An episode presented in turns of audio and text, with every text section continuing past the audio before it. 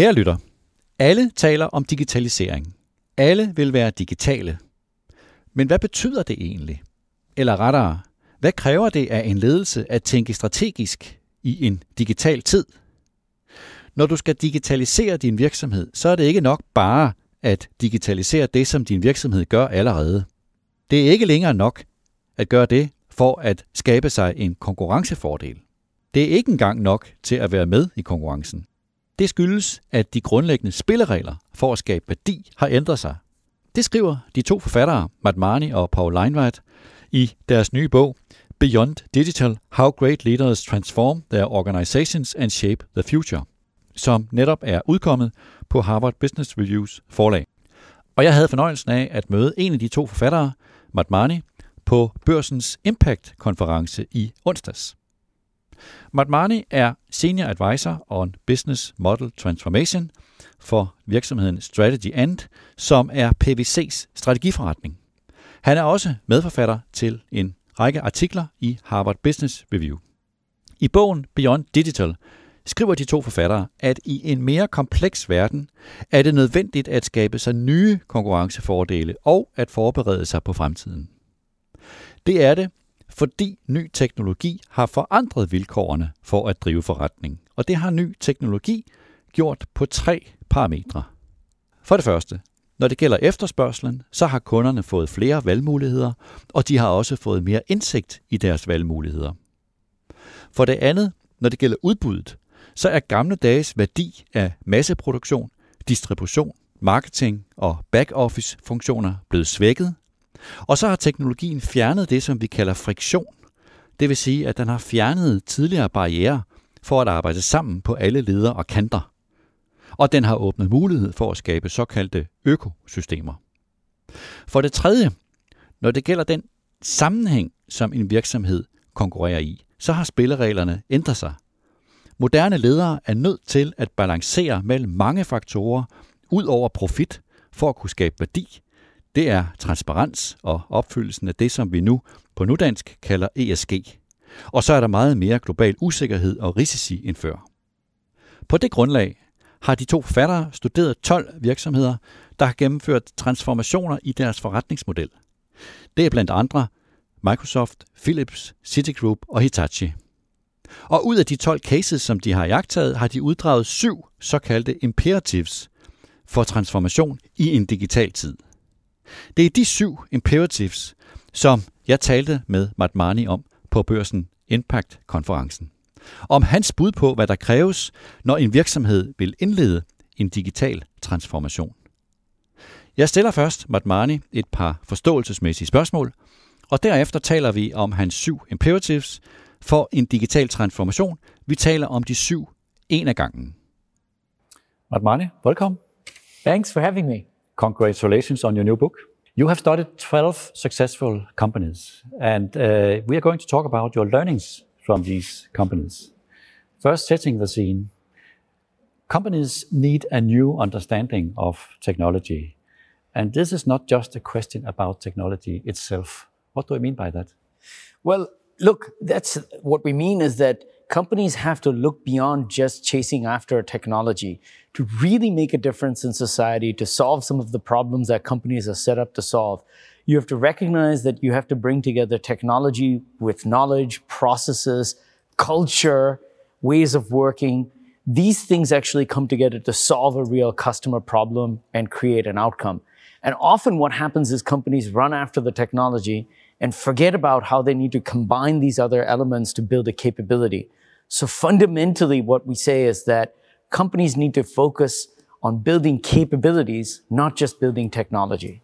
So digital transformation is about much more than digitization. Absolutely. In fact, what we found is that digital transformation uh, often has very little to do with just digital. And the companies that have really succeeded with using digital transformation to compete, to grow, to make a contribution to society have done so because they've uh, combined it with building scale and really differentiating capabilities that address how they uniquely solve a problem for a customer or solve a problem for society. In your book, you write that companies need to ask themselves two fundamental questions. Which ones? The first one is what's the unique value that we need to contribute into the world today and tomorrow? And the second is how do we do that in a truly differentiating way? What's our unique way, right to win and how are we going to contribute to solving that problem? Some of the problems that we need organizations to take on, and I don't want to restrict this just to private companies, it's to all organizations. They're huge and they uh, require more than just one organization. So you also have to be able to answer what's our unique role in solving that big problem we take on. Unique value, is that the same as a why or as a purpose? It can be, but it's much more than that. It certainly starts in having a very clear purpose around uh, an outcome that matters for people and for your customers. But it's also being able to articulate what are the differentiating capabilities you bring to solve that problem? It's not good enough to say, well, I'm here to save the earth if you can't articulate exactly how you do that in a way that's differentiating and unique. But when you talk about key capabilities, how many key capabilities can a company have? Uh, well, usually we say focus on a handful of differentiating capabilities. So I suppose that would be five, really. Uh, now, uh, uh, uh, look, more. is the right answer five? Is it seven? You know, uh, it could be. What's often, actually, often when I ask a CEO, what are your company's key capabilities? They start mumbling. They cannot give a clear answer. Yeah, and I think what that's because what happens is a lot of organizations define their capabilities based on what they're good at or what they do or their view of the world, as opposed to defining it based on customers what are the capabilities that customers need you to be great at? And then look at your positions relative to what those customer needs are and how you do that in a differentiating way. And the many great companies that we studied in this work, you know, I'm happy to give you some examples as well. Okay. So you have in your book seven imperatives for transforming an organization. So let's take them one by one. Your first imperative, you call it reimagine your company's place in the world. What do I mean by that? So what we mean is rather than, uh, for example, digitizing what you've already uh, always been doing or chasing after what your competitors are doing, take a step back and look at what is that unique value that we need to contribute into the world and what's our place in creating that value? What's our unique way to create that value proposition? And that gives you the place to start to really be powerful as an organization. Does that mean that a company needs to define a whole new purpose? No, actually, many of the companies we started, uh, studied, for example, like uh, Eli Lilly or Philips or a number of others, were very proud of their heritage, stayed grounded in their fundamental purpose around creating value in society, but we're able to connect that to the needs of today's society in a way that's very relevant and, and create a purpose that gave them life for the future, not just replicating, continuing what they always did in the past. This sounds to me a little like any, you know, transformation. You need to ask yourself those kind of strategic questions. Absolutely, I will not. Uh, well, will not argue with you on that. okay, your second imperative, you call it embrace and create value via ecosystems. Yes. Look, in today's world, for some of the problems that we need organizations to solve, you simply cannot do that on your own. You have to actually work together with ecosystems to solve this. And the reason we say embrace, it's, it's not like the old model of the past where you entered into partnerships seeking to get something out of it for yourself. These ecosystems are ones that are formed around solving a real customer issue or a real problem and ecosystems in which you're invested in making the ecosystem better, meaning you're putting as much energy into making sure that the ecosystem benefits, your partners benefit, not just what you extract out of it. Now, when you operate in that way, you can start to solve some really big challenges. For example, one of the companies we talk about is Philips and their focus around achieving healthcare outcomes. It's not just selling a device to diagnose your cancer, but then actually, how do they help you with the therapy to get well? When you get oriented around that, you really can create big differentiation and have big impact. I guess many CEOs ask themselves, how do we build an ecosystem? How do we find our partners? Well, look, uh, companies uh, usually always are already involved in an ecosystem in some way or another. So even if you're only a component supplier, um, like for example, Komatsu, which uh, builds uh, equipment for the construction industry, they are only providing one element of what is required to construct a building, let's say. Uh, but you're already engaged in an ecosystem if you understand, in that example, that what the problem you have to solve is for your construction customer to actually make a building in a quality way, sustainably, and so forth, right? And so you can easily start to find the ecosystems you already operate in. And then where are you differentiated in that ecosystem? What is it that you can uniquely contribute to build value?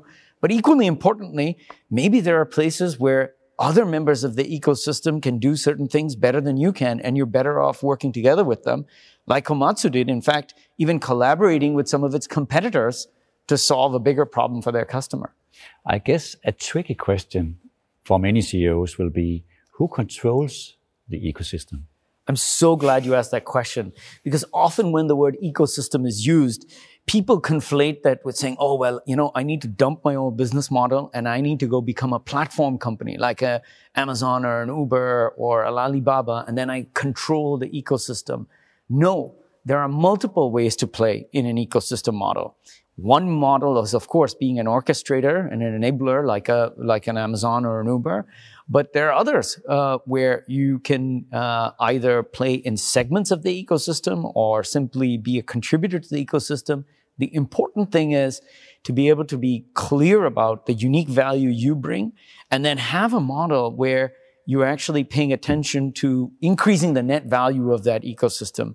When you operate that way, you find your differentiated place and you'll find that it becomes very difficult to disintermediate you from that ecosystem. It's not all about control. It is about differentiation and differentiated capabilities. Okay. The third imperative, you call it, build a system of privileged insights with your customers. Yes, look, this is something that we think is an essential capability for every company and every organization, including public sector organizations. And this is really building a relationship of trust as a foundation with your customers.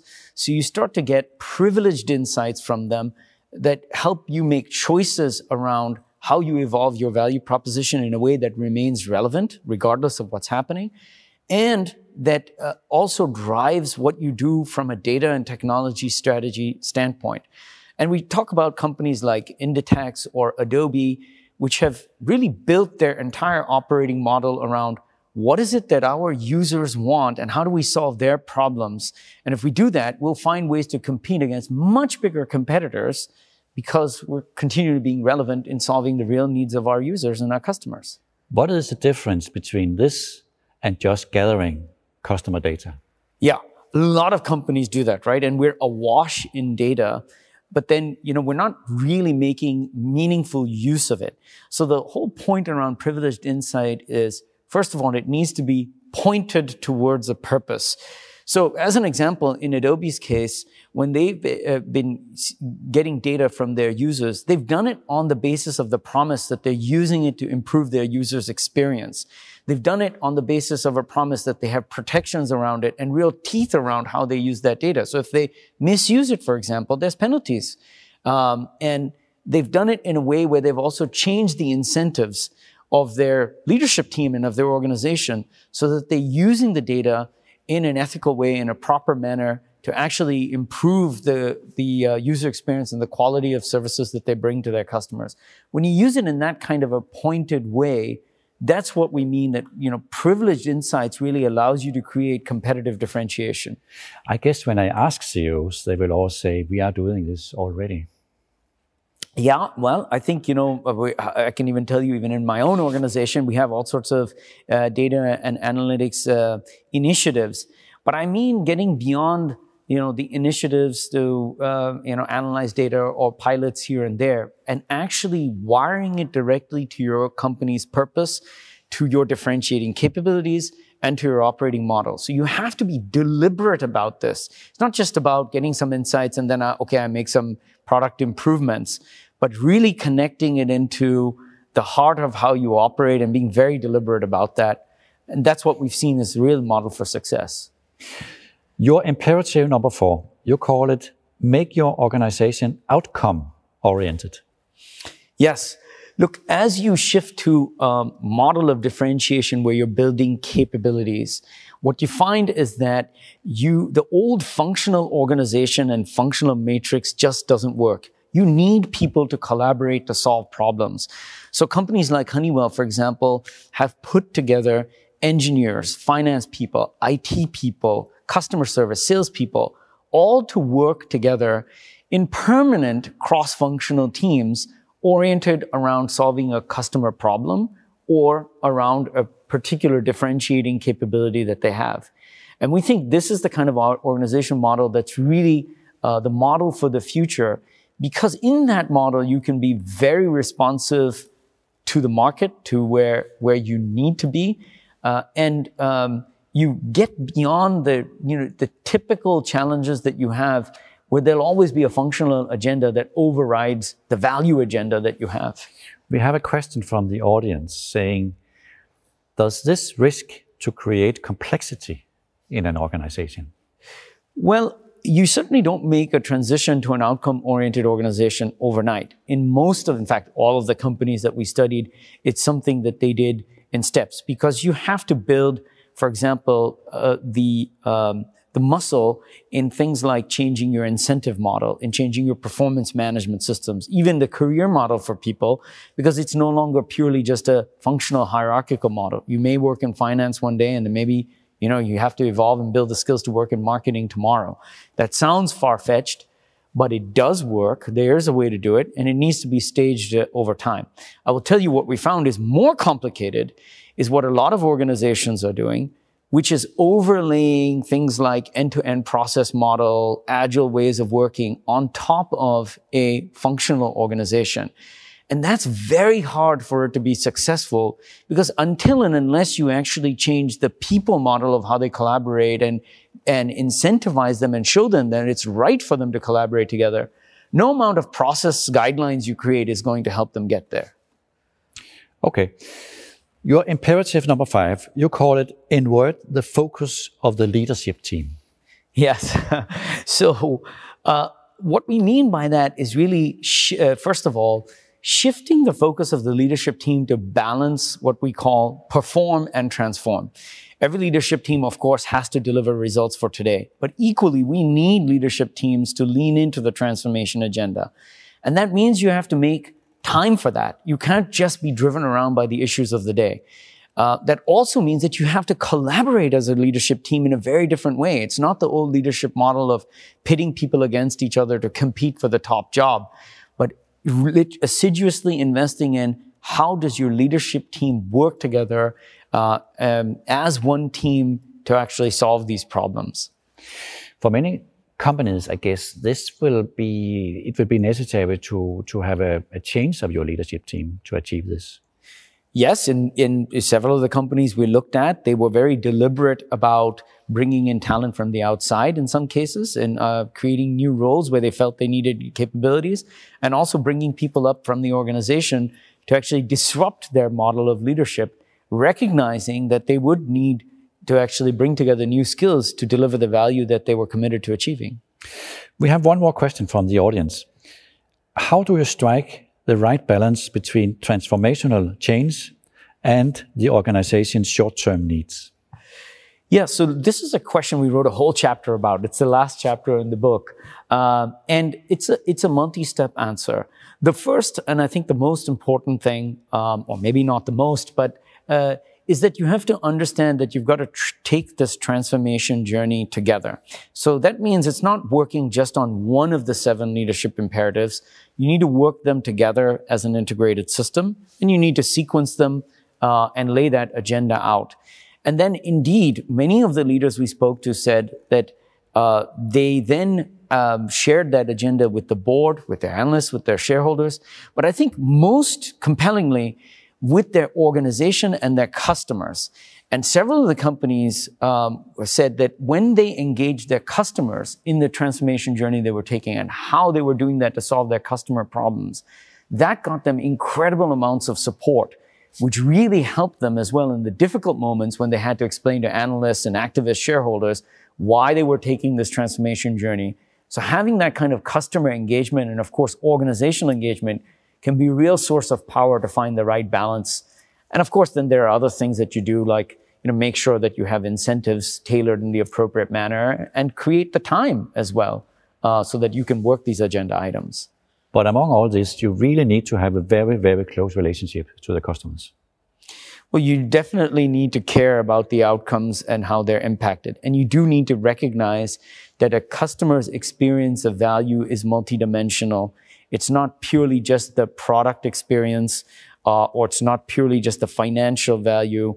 Uh, that the way you think about value today is certainly much more multidimensional. We all know, of course, ESG changes, uh, broadens that definition.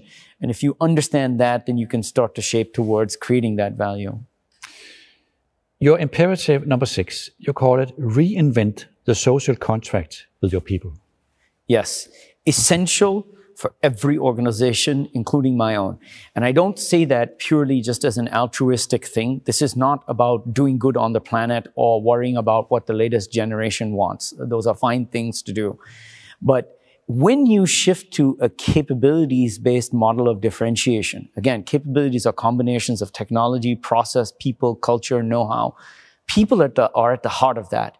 You need people whose own purpose can be connected to the purpose of your organization. And you will need your people to lead the way because you simply won't be able to have all the answers from the top. You won't be able to respond as fast. So you have to shift the social contract from just giving people a paycheck to show up and do a job to one in which you are actually engaging them in your purpose, in which you give them the means to work together and collaborate, in which you invest in their development, and where you have a much broader definition of their connection to the value that you create in the world. If you want to achieve this, I guess you need a CEO who is very, very, very good at communication and uh, better than many of the CEOs I know of. Well, uh, it's funny that you say that because the seventh imperative is uh, really around uh, how leaders need to actually develop themselves. And uh, we have data behind this, by the way. And the data shows that leaders today actually need to develop themselves through a set of what we call uh, sometimes would seem like paradoxes. So you can't just be a great strategist. You also have to be good at execution. You can't just be the hero leader, who's in charge and takes the top of the hill, you also have to have the humility to know when you don't have the answers and know how to lead from the back of the room. You can't just be a great technologist. You also have to be a deep humanist. And so we think, you know, leaders actually need to uh, develop a set of these paradoxical traits, if you will. And I hate to call them paradoxes even, but uh, certainly the leadership model today needs to be much more multidimensional. But to reinvent the social contract with your people, I guess you really, really have to be good at communi- communication, internal communication. Well, you can be, but you certainly uh, what you have to be good at is actually caring about the the difference that your company makes. And of course, there are others that can be great at communication. It doesn't. You can be an introverted CEO, and there are many of those who are are successful in the world. You don't necessarily have to be a great communicator yourself. Okay, you mentioned it already. You have the last and uh, number seven imperative, and you call it disrupt your own leadership approach. Yes, and that is uh, part of what I mentioned of developing these multidimensional skills. And to do that, leaders need to make their own development a priority. Often what happens with leaders is we ask them, what are you doing for the organization? And what results have you delivered? We seldom ask, what are you doing for yourself? And today's leaders have to make it as important in their agenda to develop themselves, to work on themselves, uh, as much as they're working on other strategic items for the company. That's again not a new age nice thing to do. It's a fundamental imperative for creating value. If you want to maximize financial value for your stakeholders, you need to develop yourself as a leader so that you can also develop your, your, your people, your value proposition, and do so in a way that allows your organization to remain relevant and impactful regardless of what disruption is happening around you, digital or otherwise. But if you, this maybe this will demand much more and new capabilities that uh, many CEOs in the present generation of CEOs do not have. Well, I have to tell you, I'm actually very hopeful because after studying the 12 leadership teams who we spent time with, by the way, we spent time with more. These were just the 12 that we got to really profile in depth in the book. I'm very hopeful because these companies give us confidence that it can be done. There is a way to actually solve some of the big problems we have in society. And, you know, in fact, one of the things that touch me the most is the vulnerability of so many leaders that they do actually care about having their life make a difference and make a contribution. And they're willing to take themselves on and bring other people along in that journey of making a difference in the world. So, in your opinion, the present generation of CEOs are in fact qualified to achieve this? Well, I don't know if it's necessarily just the just the president uh, generation of CEOs. I'm sure there's a great CEO probably hidden somewhere in the organization, but I am confident that if we lean into these seven leadership imperatives, we absolutely can solve some of the big issues that we have as a society and actually, you know, improve our society for the better. Madmani, thank you very much for joining us today. Thank you. Det var min samtale med Madmani. Hvis du vil se interviewet, eller hvis du vil se nogle af klip fra de andre interviews, som vi lavede på Børsen Impact-konferencen, så kan du se dem på borsen.dk, hvor vi lægger nogle af dem op i løbet af weekenden. Du kan blandt andet se klip, hvor Bjarne Korydon interviewer statsminister Mette Frederiksen. De ligger bag vores betalingsmur og er tilgængeligt for børsens abonnenter. Hvis du ikke er abonnent, så er det jo en super anledning til at blive abonnent. Hvor ellers får du sådan et festfyrværkeri af aktuel viden? Jeg spørger bare. Tak til Mihe Christensen, der redigerede podcasten. Tak til dig, der lyttede med.